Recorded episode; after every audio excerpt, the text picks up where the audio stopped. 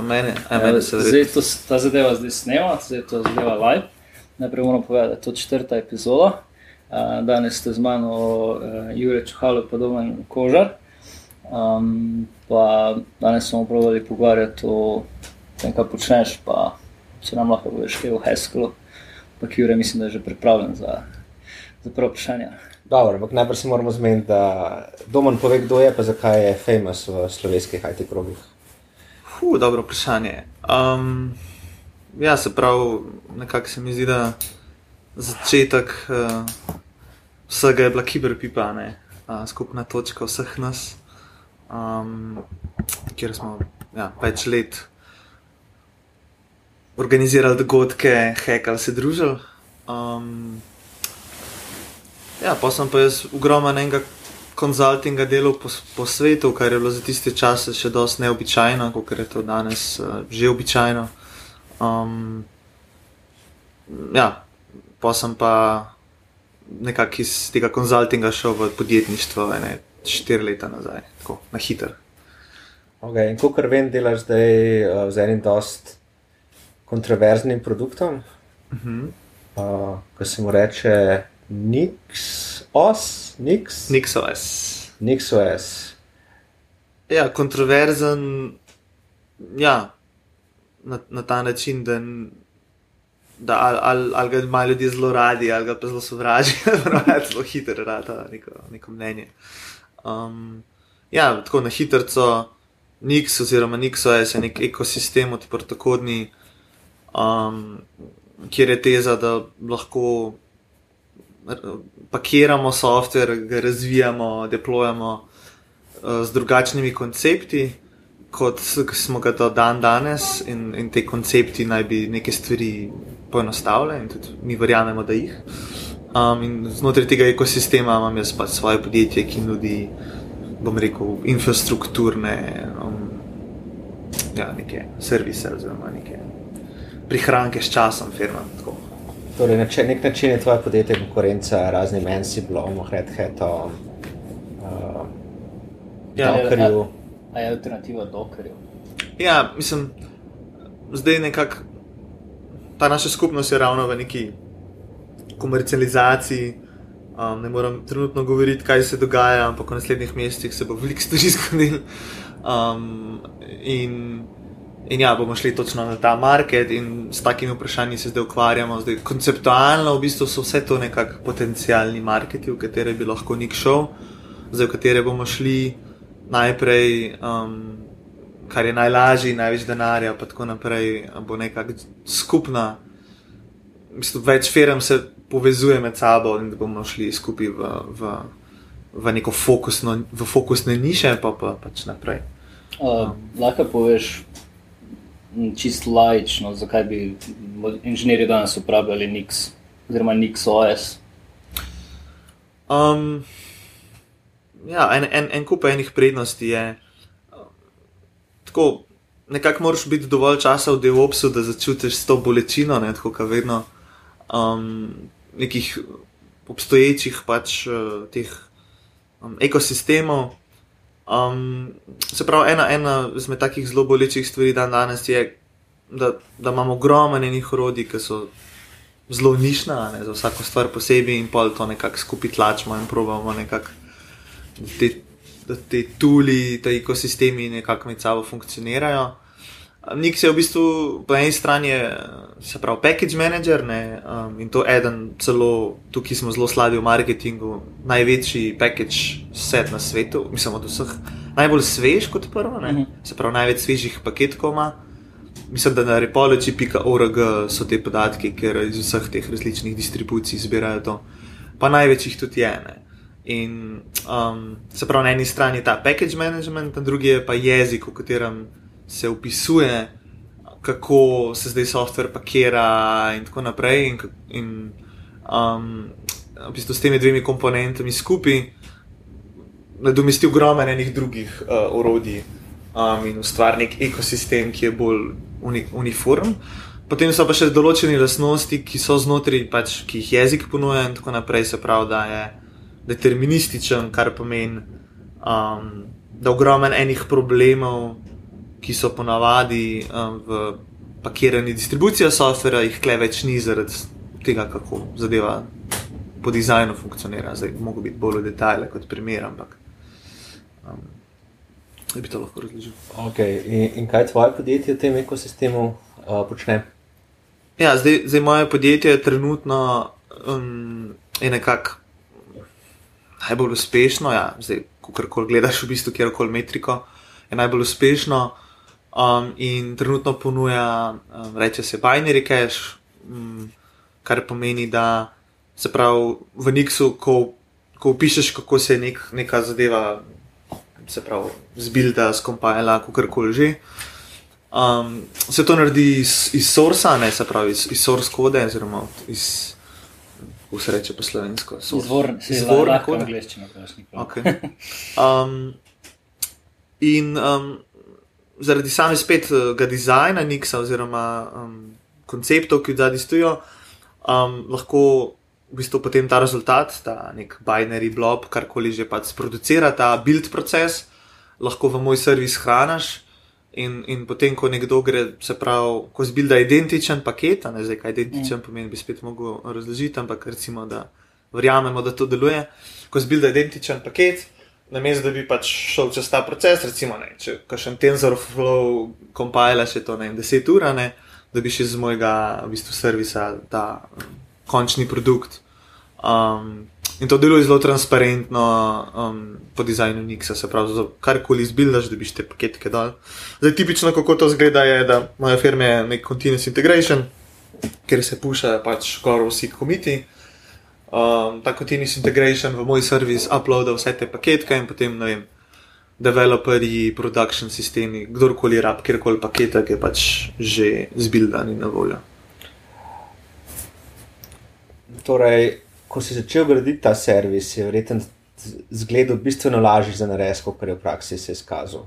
Uh, kaj te je presenetilo tako tehnološko na tej poti, pa mogoče tudi družbeno? Je v bistvu glavna stvar, ki me je presenetila, je pač prvo, koliko je v bistvu inženiring mehan del produkta in koliko je enih znanj, ki si jih moraš naučiti na poti, da jim tak produkt obstaja, da ga, da ga pač lahko, bom rekel, uspešno ali pa um, efektivno um, lansiraš in tudi uh, prodaš. Um, in in koliko, v bistvu te, koliko so ta znanja, ki so ne inženirska, tako manj eksaktna, predvsem. Ne? Recimo, ne, marketing je tako. Nekaj narediš in čez par mesecev je nek rezultat. Ne? Pa tudi eno lično ne moreš čisto reči, da je to zdaj posledica tega tvojega efrada pred tremi meseci, šestimi. Um, in je zelo, kako, kaj se naučiš iz tega, je zelo težko tako um, povleči ven. Um, je pa ogromno enega znanja, ki se ga moraš naučiti, ne, če si solo, um, bom rekel, če to podjetje ena oseba um, vodi. A, a, te, a te kakšna tehnologija, v bistvu, a si rekel, ok, bom dal to na cloud, pa se je skazalo, da ni šlo, ali kaj cenejš, kaj dražji. Ja, Ja, recimo ena taka lekcija, ki je sicer zelo podjetništvo zvana, je, da nikoli ne greš um, se optimizirati stroškov, da raj optimiziraš svoj prodajni cikl, da raj več stvari prodaš, kot da režeš stroške. Ne? In to je recimo ena taka stvar, ki sem se zelo upekel, pač, ker je moj produkt zelo storage oriented. Mislim, da sem imel v enem trenutku, ne, takrat sem imel 15 terabajtov um, shranjenih. Sem rekel, ok, gremo probati iz S3 na Black Blaze, kaj Black mm. Blaze je ne vem, koliko cenejši. Dost, mislim, da za desetkrat nekaj takega. In sem se zmigriral, kaj, in pa se je skazalo, da tako, recimo, kar naenkrat, en dan, je ne vem. 30 tisoč API kolov, vrnil 400 HTTP error in tako pač vprašaš support, pa se tako, ne, na naši strani vse kul, to vsi ti nekaj delaš na robe. Te pa tam tako des, deset ljudi ali pa ne vem, dvajset težine, da jim stvari ne delajo. In tako, ja, se sem prešparil, ne vem, par sto evrov, takrat um, si mi je ful dobro zdel, um, zelo taka, bom rekel, naivna začetniška napaka, ampak le. Um, in pa sem zmigriral nazaj na neki točki, ker enostavno je bilo raje tistih par sto evrov bolj plačati, kot pa um, poslušati nezadovoljne stranke, pa tudi predvsem pa moj stres, da mi nekdo v nedeljo, ker pač servis dela skosne, um, začne težiti zaradi takih stvari, ni bil vreden. Um, ničesar. Um, tako recimo ena taka stvar, ki me je presenetila. Ej, uh, mogoče gremo nazaj. Na, pač, govoril si o Nixu, tvoj produkt je specifičen za Nix. Lahko mogoče malo meniš, kakšne stranke uporabljajo Nix, mm. pa posledično tudi tvoj produkt, da, da bi ljudje sploh razumeli, kdo uporablja Nix v produkciji, recimo, in, in kdo, kdo so svoje stranke, lahko o tem poveš. Ja, seveda. Za, za občutek, da se lahko generalno lahko povem neke segmente. No, ja, um, ja, to je zelo dobro vprašanje. V bistvu eno glavnih v bistvu, profilov strank so čist uh, od mehkih firm do večjih, kjer rabijo nek development environment. Se pravi, kaj to pomeni, mogoče ni tok kot Docker Compose, ker poženeš en kup enih procesov, ampak je bolj v smislu, da, da ta environment provajda neke tule različnih verzij, različno kompleksno. Se te tule popakira, ne pa na teh distribucijah nimajo. Zdaj, neko tako generalno vprašanje je, kje dobiti zdaj različna orodja, ki bojo pač identičnih verzij med vsemi Linux distribucijami, med, med Mac, Mac OS-om in mm. Linuxom in tako naprej. In z Nixom se da to zelo, zelo, zelo enostavno narediti.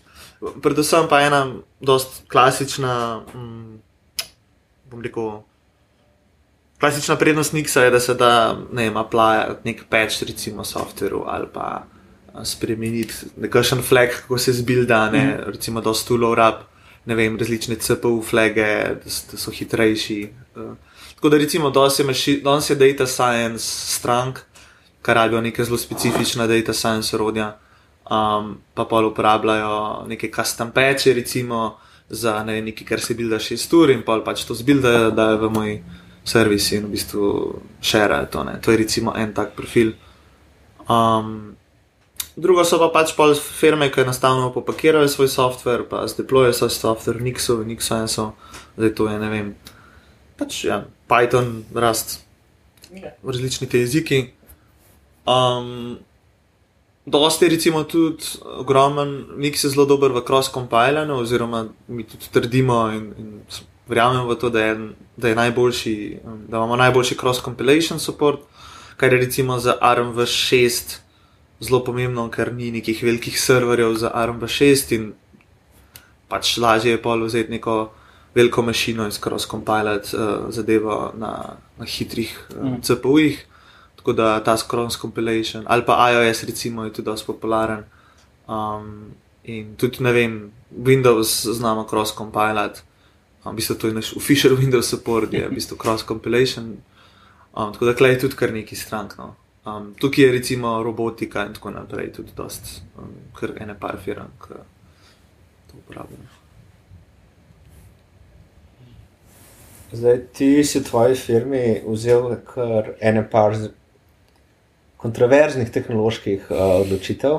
Uh, mislim, da je kar marsikaj kontroverznega okoli tebe, uh, tehnološko gledano. Torej, stek imaš v Haskellu, uh mhm. -huh. čeprav razumem tudi v Elbu. Tako je.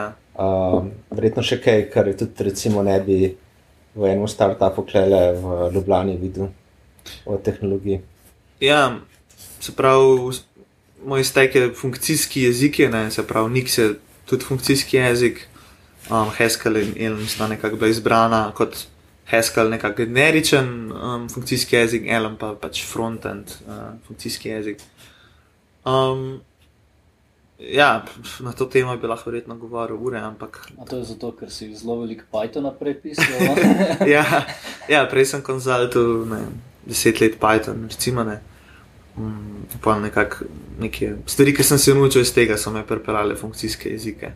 To verjetno lahko eh, predelamo. To ni hype-driven decision, hype-driven development, CV-driven development.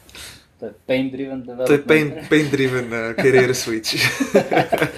recimo, če primerjaš tvoj prejšnji Python stack in consulting rešitve, ki si jih hmm. počel, z tem, kakšna je zdaj izkušnja po parih letih razvoja svojega produkta, mislim, v funkcijskih jezikih.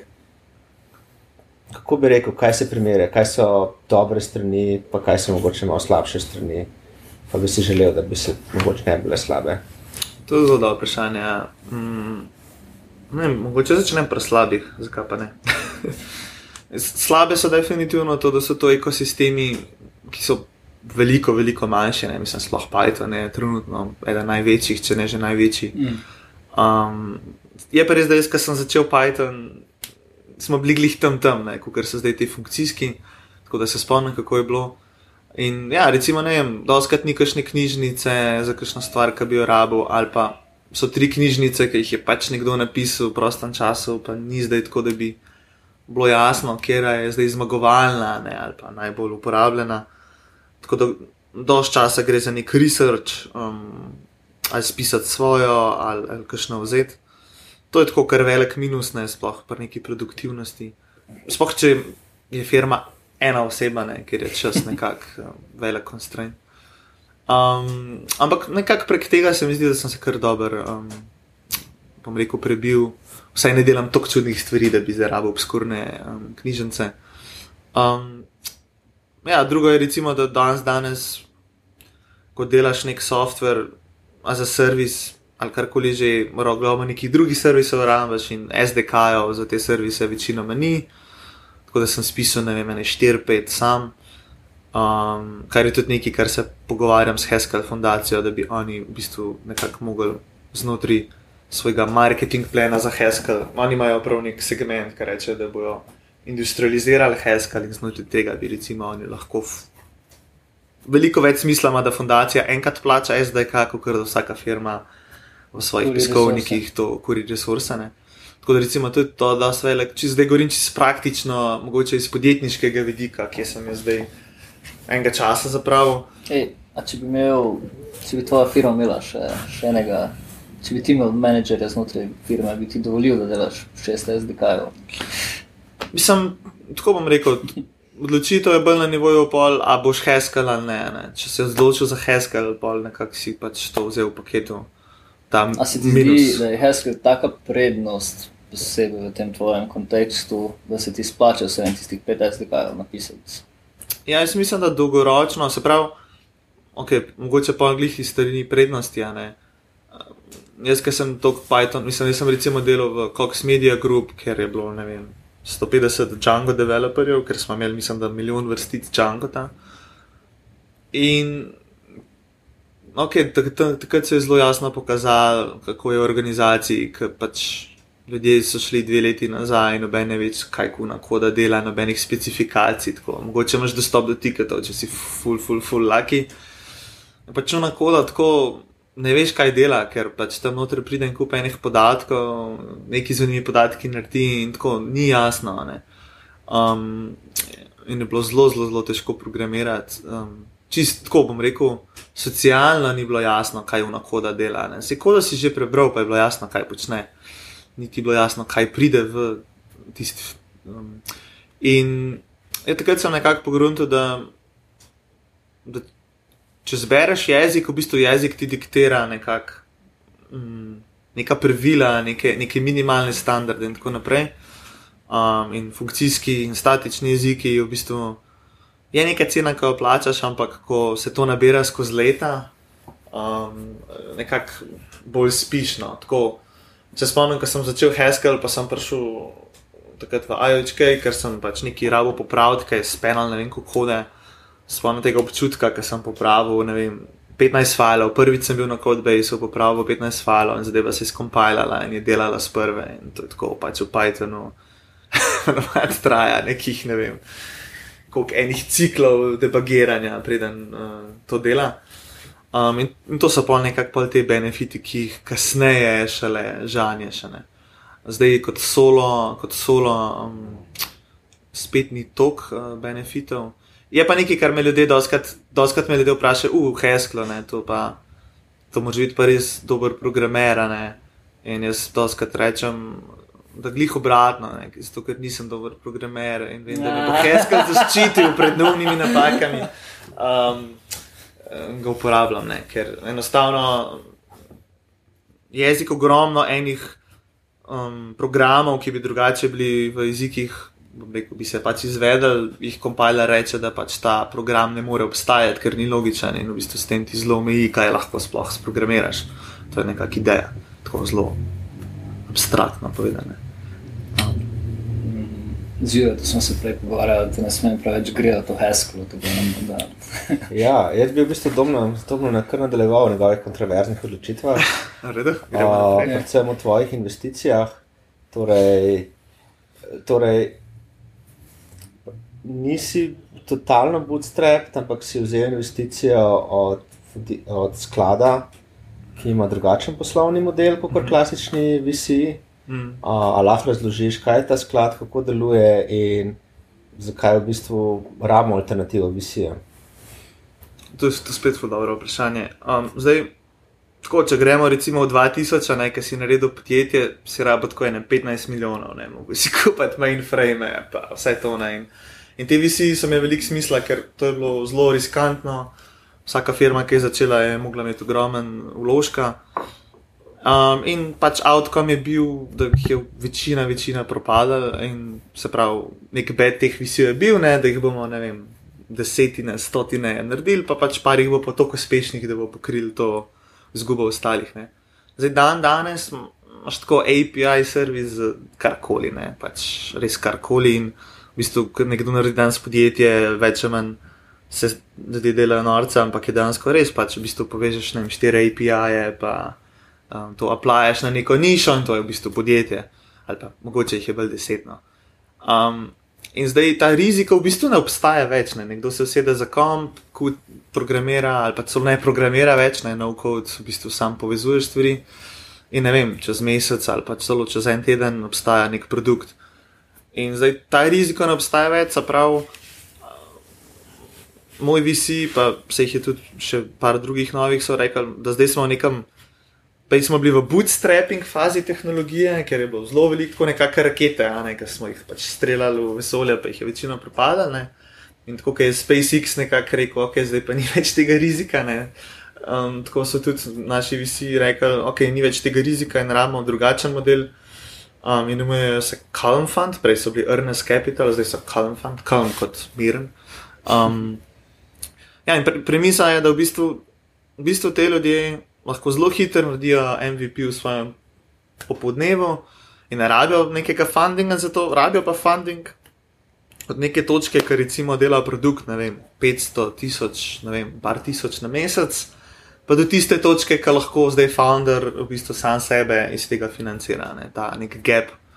Um, zato da, ker ko enkrat narediš svoj produkt, pa si v tej fazi veš, kako je, da si z glavo si pri svojem produktu delaš pa konzulting ali ne, službo ali karkoli, pa pri drugi stvari in to je tako zelo velik tension, pol, um, um, ki nastane. In ja, oni v bistvu ti dajo nek funding, da lahko ti v bistvu iz, greš full time tako, ja, ne se pravi, še nimaš toliko revenueja oziroma zaslužka, da bi lahko to naredil, ampak oni ti ta gap pokrijejo in potem ti.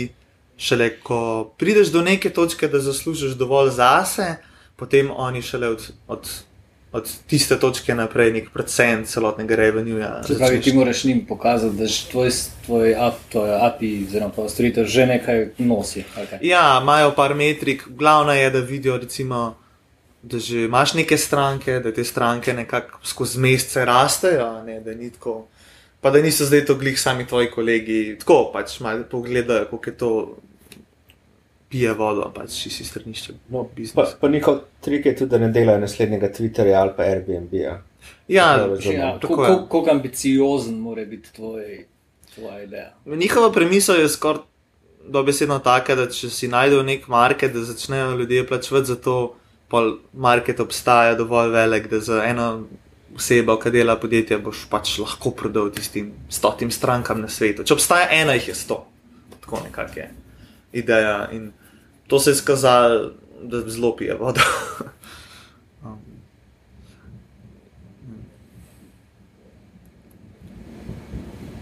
Še imam eno dobro vprašanje, če, če dobiš ure. Um, me je ful zanimivo, um, pač poznam te že nekaj časa, to, ampak uh, stranka, za katero delam, stranka, za katero delam je bistvu pred nekaj časa začela uporabljati Nix um, za pakiranje, za, za, za deployanje zadev. In v neki v nekem trenutku pač nekdo iz, iz, izmed tem lidov pride v, na, na sestanek, na sestanek z, z ostalimi tem lidi in s CTO in to in pravi, pač mi rabimo budžet za, za CashX. Ne. In, in uh, CashX, ja, domno vse res bomo uporabljali v firmi in firma še danes uporablja CashX za, za, za, za tisto, kar si prej omenil. Um, pa vidim, da dejansko tudi če gremo na Stack Overflow, ko se ljudje začnejo resno uporabljati Nixos, pa, pa, pa dejansko tudi rabijo neki caching layer, kar tvoja firma dela. Ne? Um, vedno nekdo v komentarjih napiše, hej, uporabljite CashX, CashX, CashX, CashX. Ko greš na konference, eh, nekdo dvigne roko, hej, domen ima CashX, uporabljite CashX. Spravi, um, ne vem, kako gledaš ti na marketing, oziroma kako gledaš na to, da dobivaš stranke. Meni se zdi, da pač si v neki taki niši in, in, in stranke, da same najdejo, oziroma developeri pušajo tvoje produkte. To se mi zdi fully zanimivo. Pa me zanima, kak je tvoj relationship z, z, z developerji, oziroma kako kak, kak prodajaš svoje storitve. No? Je to je fully dobro vprašanje. Mislim, da se to glih zanimivo, ne? ker tako inženirji iz naše moje skupnosti dolžkrat pride do mene in rečejo, pa se to je čisto simpel zgraditi, pa no, se ni spremenilo v zadnjih parih letih. Ampak to je ravno zato, ker bom rekel, vem, se govorim na pamet, nažalost nisem tega nikoli meril, ampak med 50 in 80 odstotkov mojega časa je bilo klicanje ljudi v industriji in pomagati, uh, iti na konference, v skupnosti sem ogromno enih stvari zorganiziral in naredil, ki so bili nekako blokari za to, da vem, skupnost ni dobro dela.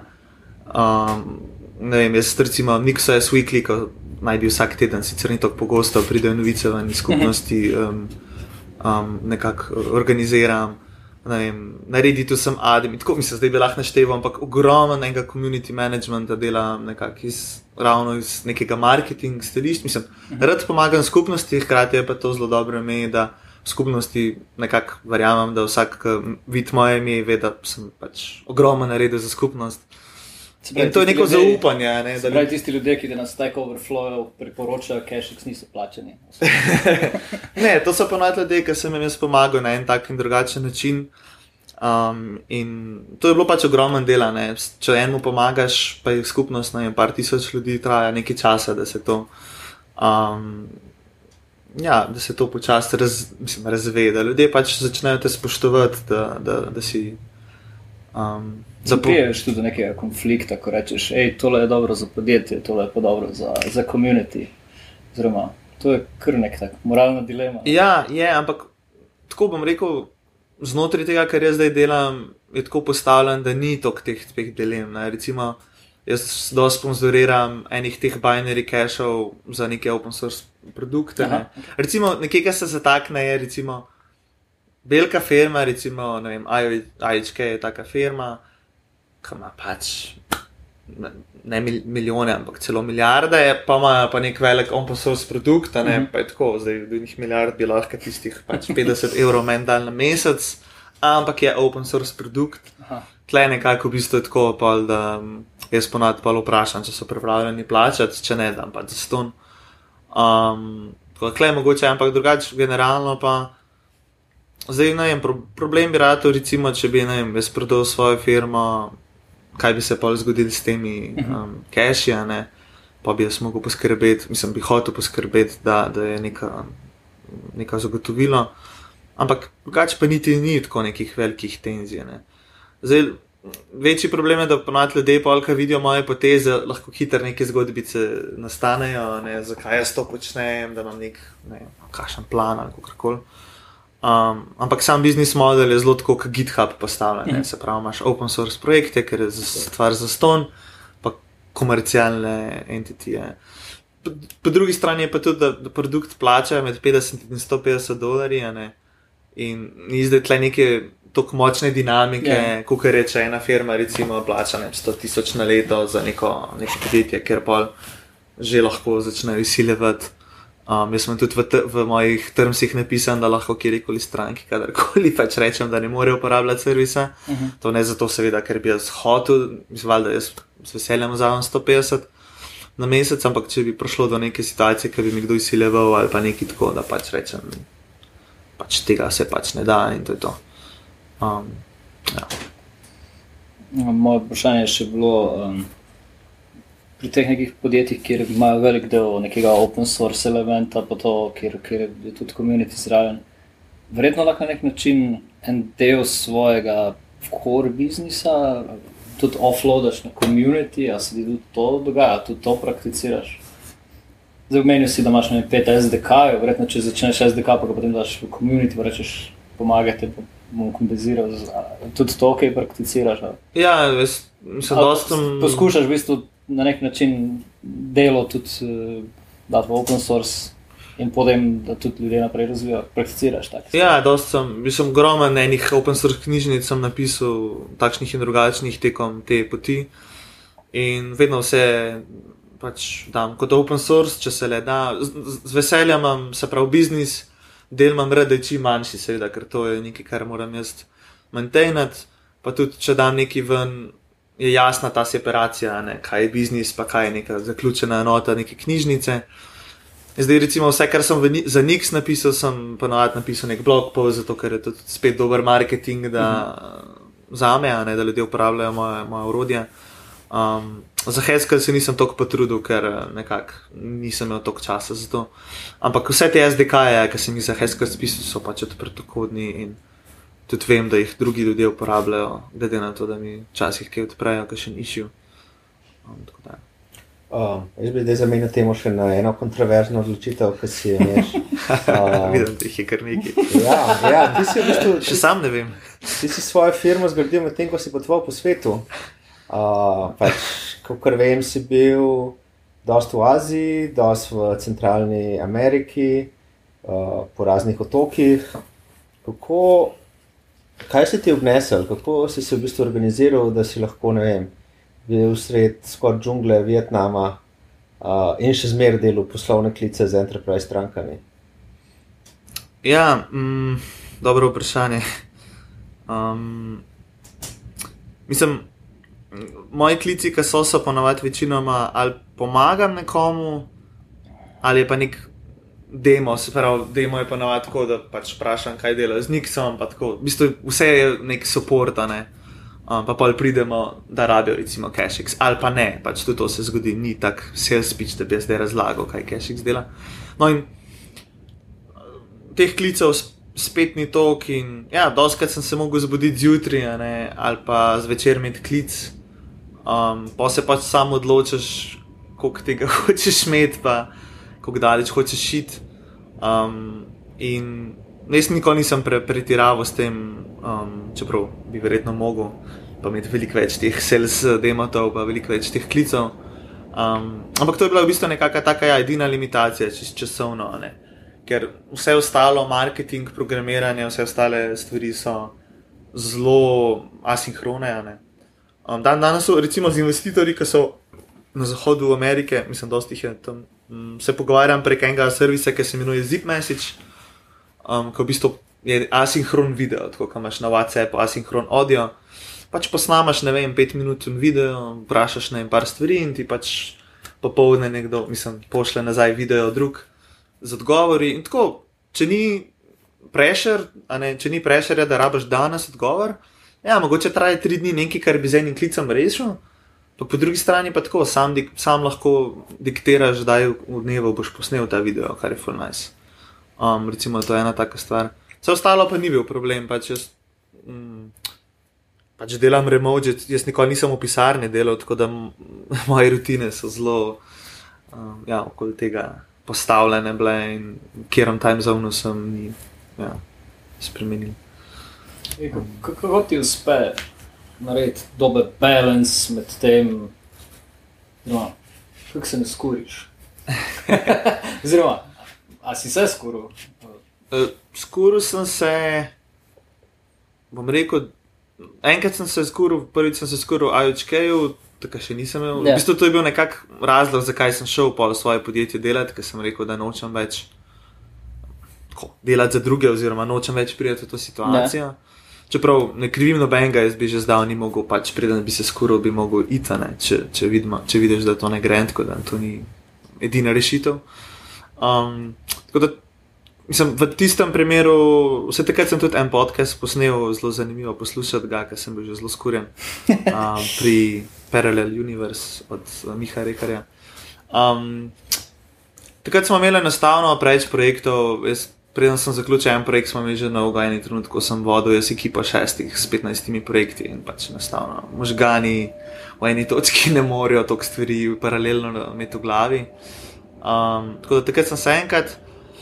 Skoraj sem se pa tudi zdaj, tako ne toliko takrat, no, čist malo, konc leta lanskega, ki je pa enostavno prišlo podjetje do te točke, da sem spet imel preveč projektov in preveč stvari, um, tako da sem si vzel pol pauzo, pa v glavno stvari po, po rezu um, in je zdaj veliko boljš. Ampak ja, pri podjetju je eno, vedno, vedno je preveč dela, vedno je preveč stvari in zelo je treba biti spazljiv pri tem, kaj se odločiš in to je neka stvar, ki je priznam, da še sam nisem dober, pa tako, ko govorim z starimi podjetniki, se mi zdi, da je to tudi nek skilka.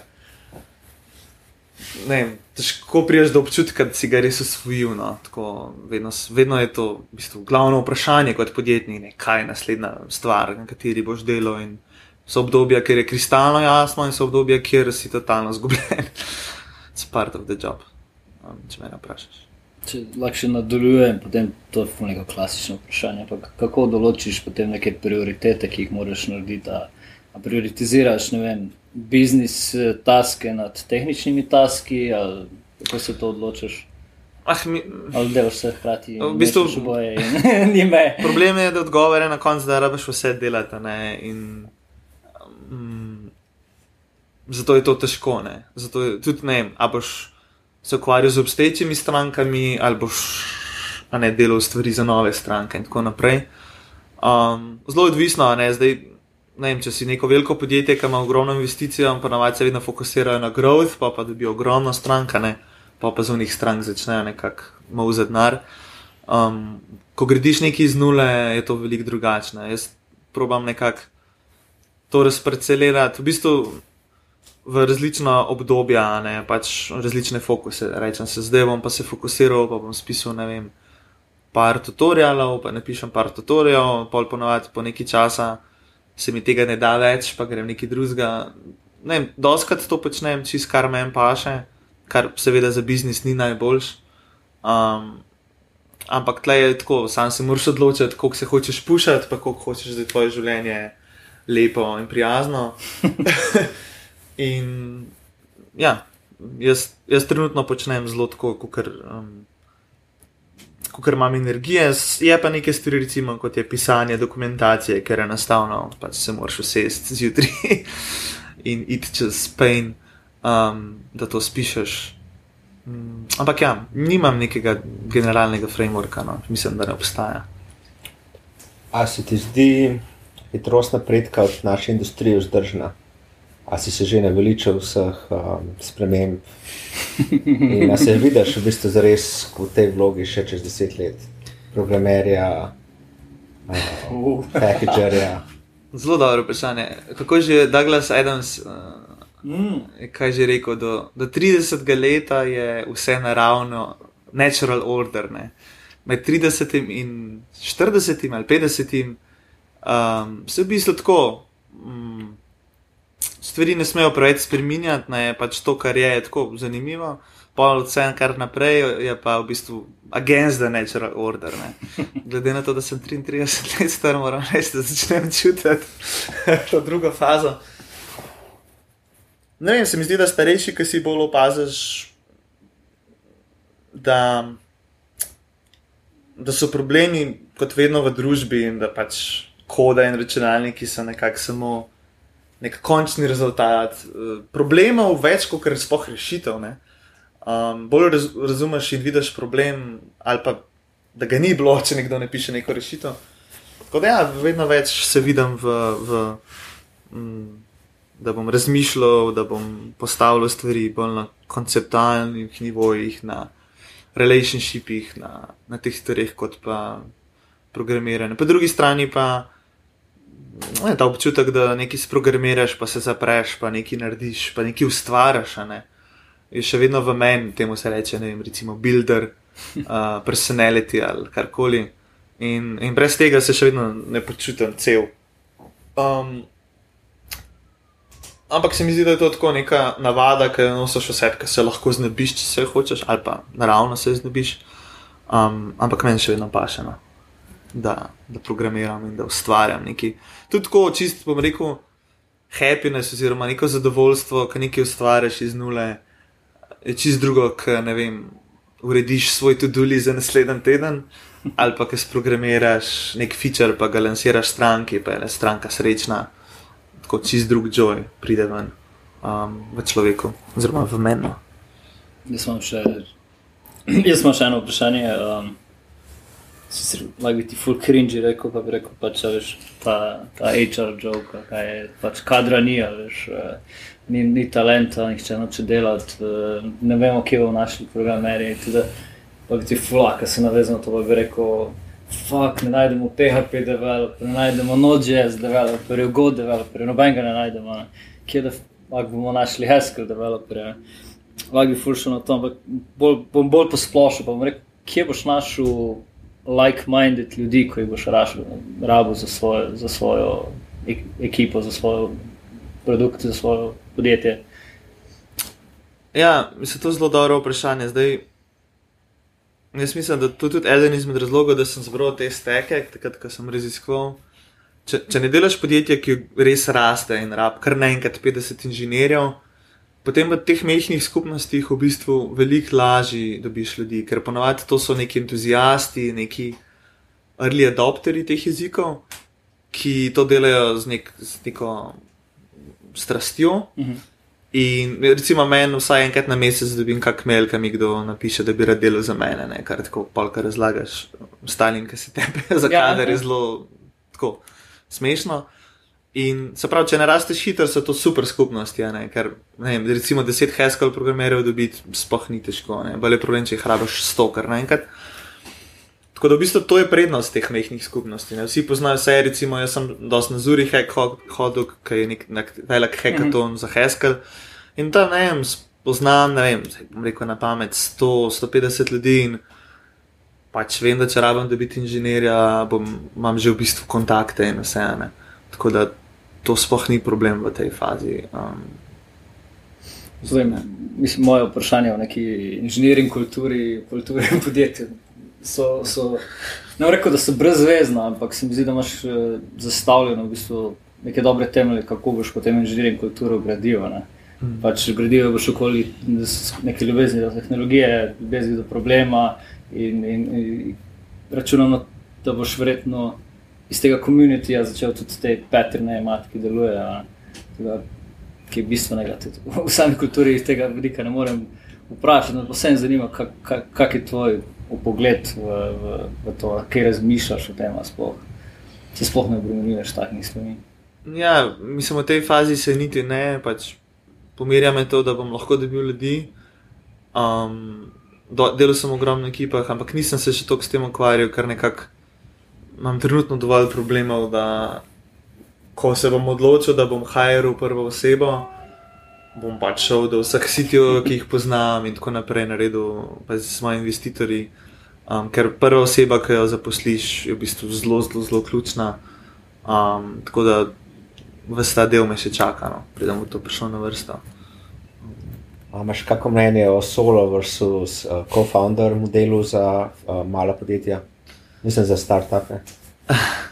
Zelo imam svoje mnenje, se mi zdi, da je to vedno zelo kontekst dependent, se pravi, od kakšne osebnosti, kaj hočeš od življenja, kakšen problem rešuješ, tako zelo je težko generalno.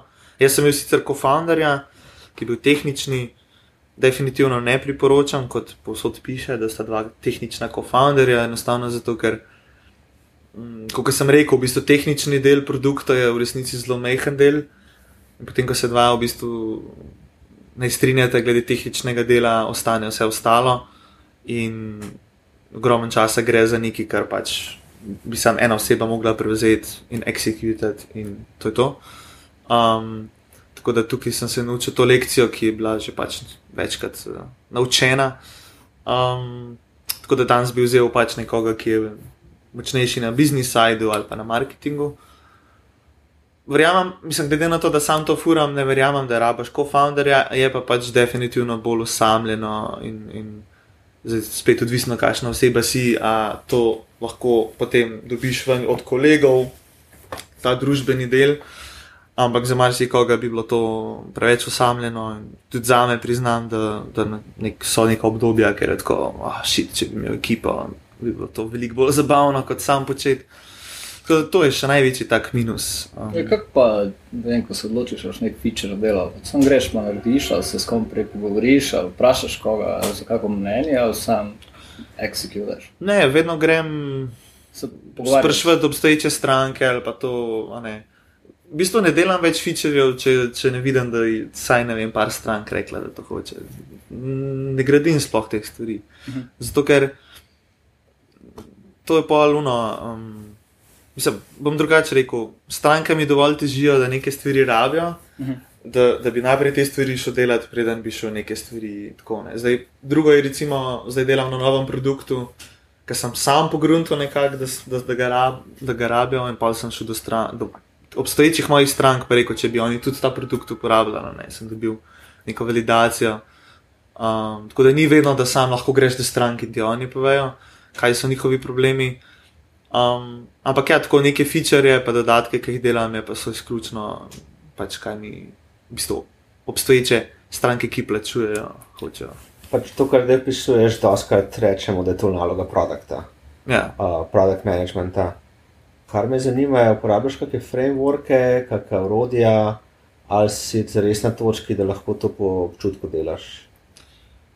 Um, ne uporabljam nobenih urodij. Um, bistvu, ali pa metodologije. Recimo. Ne, ne, nisem tako daleč, da bi, da bi uporabljal karkoli od tega. Um, v bistvu, moja metodologija je, da pač, ko mi nekdo reče, da, neki, da ga nekaj moti ali pa nekaj bi imel, odprem mišel, napišem. In ko mi nek drug reče, ne pišem, tudi ta oseba je to hotla. In pa, ko vidim, da je par ljudi, ali pa da ne, se je par nekih teh stvari, ne? ali nujno, kako velik pain je, a ne koliko časa jim to vzame. Tako nekako um, sam predcenam, koliko je to impactful za neko podjetje. Um, in pa si zamislim, kako bi to delovalo, in pa le sem tem povem, ne? kako bi to delovalo, da dobim nek feedback od njih, aj to ni dejansko reš ta problem ali ne. In to je to. No. Um, zdaj, da bi prav kvantiziral, koliko painful je, pa vse te pa ne počnem to zelo po občutku. Um, mislim, da trenutno ne bi imel spet toliko impakta, no, če bi to. Ne, mislim, ja, jaz poslušam, čutim. Framework si predstavljam, da imaš nek sez, neko seznam nekih idej. In, okay. Ja, ja, pač imam seznam nekih idej, nekih ne, različnega skopa, ne lahko to, sam nek feature. Sam, sam verjetno za čiste stvari ne, tudi ne moreš vprašati svojih, uh, svojih strank. Ne moreš jih vprašati, kako boš pricing postavil. Ja, ne, to ne moreš. Ne. Kaj pricing si postavil čez palec, uh, si ga oblikoval, testiral. Uh, Ali si sam računal, koliko imaš stroškov, pa da šel malo stvar v plus? Ja, pač eno je, da moraš se odločiti, kakšno maržo boš imel, ali da moraš razumeti, koliko imaš stroškov. Drugo je pa da tako, recimo, moj target so neka mala, srednja podjetja, čeprav imam tudi dosta ogromnih podjetij. Um, ker pač enostavno ni konkurence trenutno, da bi, če, ko bo konkurenca, bojo verjetno šli raje hnimne, ker imajo pač več certifikatov. In ne, in polk gledaš te pricinge, vidiš, da so vsi produkti približno isto price, ne, ne tam 50 dolarjev do ne vem, nekaj 100. In nekako tako, ker sem sprašval za pricing, različna podjetja, v bistvu najbolj iskren odgovor je vedno bil, pač nekje začneš, postaviš tisti in pol vidiš. Ne? Če vidiš, da recimo, pa tudi ljudje ti povejo, da oskrat recimo mi rečejo, ne vem, posamezniki, joj, tvoj pricing je čist prevelik, da bi jaz to splačal svojega žepa in jaz rečem, lej. jaz zdaj dam tebi za ston, pa ko bo še enem podjetju, bo uno podjetje plačalo in pač posameznikom, doska dam za ston, um, ali pa nek diskont, ne, ne vem, odvisno. Ponovadi, ker rečem, koliko bi ti dal, pa reče, ne vem, x, pa rečem, ok, vride, plači to, da dam to popusta. Um, in, in pol raj, ko ta oseba pride v neko podjetje, pol vidim, da, da oni plačajo. Tako recimo, čist tak klasičen problem pricinga. Ne. Ker ena stvar pa je, da nikoli ne moreš pricinga postaviti, da bojo vsi srečni, vedno bo nekdo. Ne. Um, zdaj, če si res dober podjetnik, boš vedno postavil, da bo pricing deloval v tvojo pač prednost. Po drugi strani se pa lahko hočeš tudi odločiti, kako hočeš biti, um, bom rekel. Um, ja, kakšne taktike, kako hočeš iti daleč s temi taktikami v pricingu. Ne. To je pa ne vem, spet star stila vsakega podjetnika. Um, jaz imam zelo klasičen pricing, da imam pač tri bakete in več ko, več ko plačaš, še več dobiš, ne proporcionalno in to je to. Okay. Zdaj, uh, ker smo malo SD kartice še vedno malo, bomo mogli počasi wrap-up narediti. Jure, boš še ti postavil? Ja, jaz sem po mojem, moje zadnje vprašanje je bilo. Kaj je kontroverzno? Kaj je kontroverzno? Ja, evo. Ali si kako dobro kontroverzno knjigo v zadnjem času prebral ali pa kak uh, multimedijski resurs, ki bi rekel, da ima spremenil tvoj mindset v, drugo smer? Dobro vprašanje. Lahko pa tudi v daljšem časovnem obdobju. ja, zadnje pol leta sem se zelo veliko s seboj ukvarjal, tako da nisem spet tako bral. Razmišljam pa lansko leto, sem pa kar veliko prebral. Hmm, kaj pa je ta zga?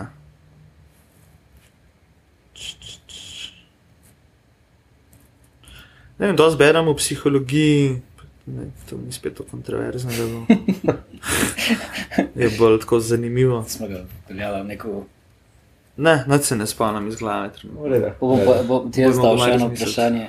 Um, nekaj časa nazaj sem bil na eni srednji računalniški šoli, pa okay. smo se pogovarjali z dijaki računalništva, kaj programirajo, s čim programirajo. In uh, tam je nekaj posameznikov dvigne roke in reče: hej, mi se moramo tu učiti v šoli, neki, mislim, da Python ali kaj. Mi bi se pa radi učili Haskell. Um, da mi poveš, kaj bi recimo takim, takim profilu poslušalcev našim svetoval, nekim začetnikom. Glede na to, da imaš zdaj izkušnje in s Pythonom, in s Haskellom, in en kup uh, izkušenj v inženiringu. Se pravi, da je en dober na svetu, da zaključimo s tem. Se pravi, bolj v smislu, če bi se hotel Haskell naučiti, kako začeti, ali kaj izbrati na začetku. Da, da je en okay. na svet takemu profilu poslušalcev, ki so zgubljeni v tistem obdobju. In pa zaključimo s tem. Jaz bi celo tako rekel, da skoraj da nima veze, kaj se začneš učiti. Eh, bolj je pomembno neko rutino vzpostaviti, da, da, ker učenje jezika, tako kot naravnega jezika, je v bistvu nek dolg proces in um, je bolj pomembno. Valjda, vsak dan se ne da, ampak da nekako najdeš nek mehanizem, ne vem, ali zjutraj vstaneš ob šestih, pa nekaj delaš, um, ali zvečer, ne vem, vsak mora najti, kaj njemu paše. Ampak v bistvu glavna naloga je to rutino vzpostaviti ki si dovolj mlad, imaš toliko energije, da te sam ta želja, lahko recimo žele, žene. Ampak ja, se mi zdi, da je to pomemben del. No. Kje začeti? Bi pa jaz rekel, da no, mogoče čim bolj splošen jezik, zato ker če vzameš splošen jezik, pa, ne, recimo Python, lahko potem karkoli programiraš iz tega, pa greš pa lahko vedno bolj nišno. Um, ja, evo, recimo 12 sveta. Uh, Jure, domen, najlepša hvala, do prihodnjič.